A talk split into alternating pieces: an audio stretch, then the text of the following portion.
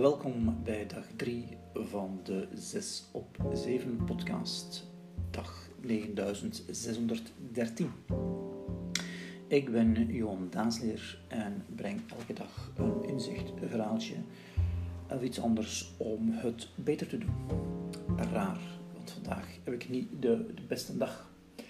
Um, vandaag wil ik het hebben over een boek dat ik gelezen heb. Het boek noemt Succeed uh, hoe je doelen te bereiken van Dr. Grant Halverson.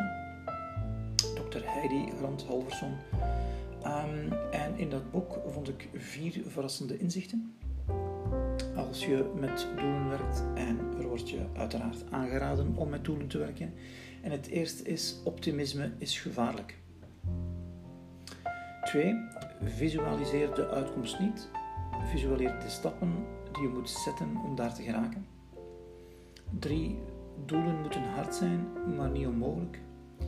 En 4. Voor, voor je welzijn heb je boeken nodig in drie gebieden. Ik um, heb dit boek opnieuw gelezen. Ik had het in het verleden al eens gelezen, omdat ik een project gestart ben om elke maand een nieuw thema uit te diepen. En deze maand, de maand augustus, ging over doelen staan. Um, neem eens een doel voor gedachten. En hoe heb je dit verwoord? Expliciet of vaag? En er is geen goed of er is geen slecht. Je hebt beide nodig.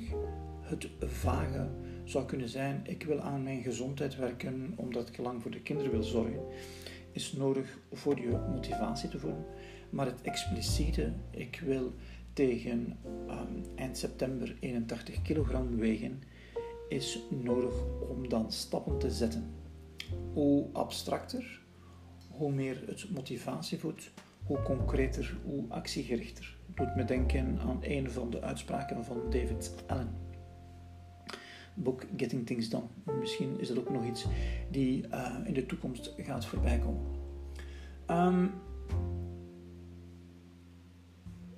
een van um, de zaken die mij inspireerde voor het boek van Heidi nog uh, eens opnieuw te kiezen, was op haar website. Toen dat ik research deed, stond een zin.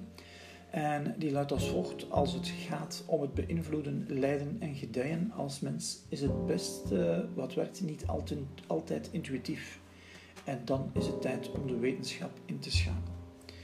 De laatste jaren ben ik daar wat mee bezig met van uitspraak moet je je intuïtie nu betrouwen of niet. Want op verschillende plaatsen wordt gezegd, je moet altijd je intuïtie betrouwen, betrouwen op je intuïtie, want dat gaat u vertellen wat je moet doen. Ik geloof dat niet. Um, ik denk dat het goed is om in een aantal domeinen je intuïtie te betrouwen. En dat zijn dan domeinen waar je veel expertise hebt. Als je geen expertise hebt, is het denk ik gevaarlijk om je intuïtie te betrouwen, behalve als het je waarschuwt voor gevaar.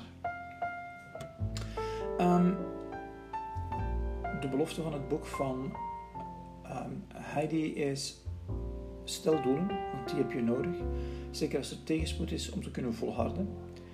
Om doelen te bereiken, bouw wilskracht. Ik zou dat vertalen naar bouw mentale energie, zodanig dat de um, ja, de hobbels die je tegenkomt, dat je erover geraakt.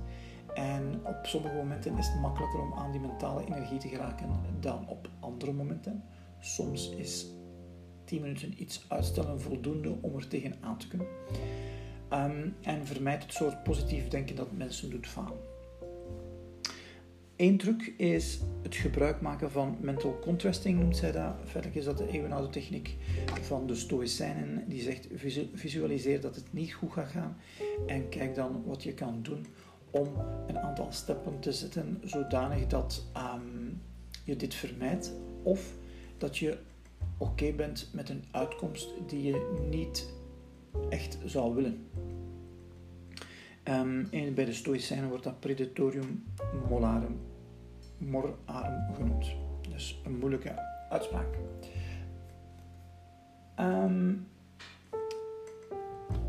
de, die de doelen die je absoluut moet stellen um, en die ons content maken, zijn om de drie basisnoten die we hebben handen en voeten te geven. En dat is, we willen geconnecteerd zijn, we willen competent zijn en we willen een vorm van autonomie hebben. De eerste is van welke doelen heb je nu op je lijst staan om de relaties um, of wat dat je doet voor je gemeenschap te vergroten.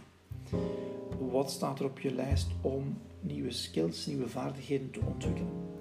En hoe kan je iets meer keuze en toestemming hebben om je autonomie te vergroten? Welke doelen heb je daarvoor? Spreek je morgen.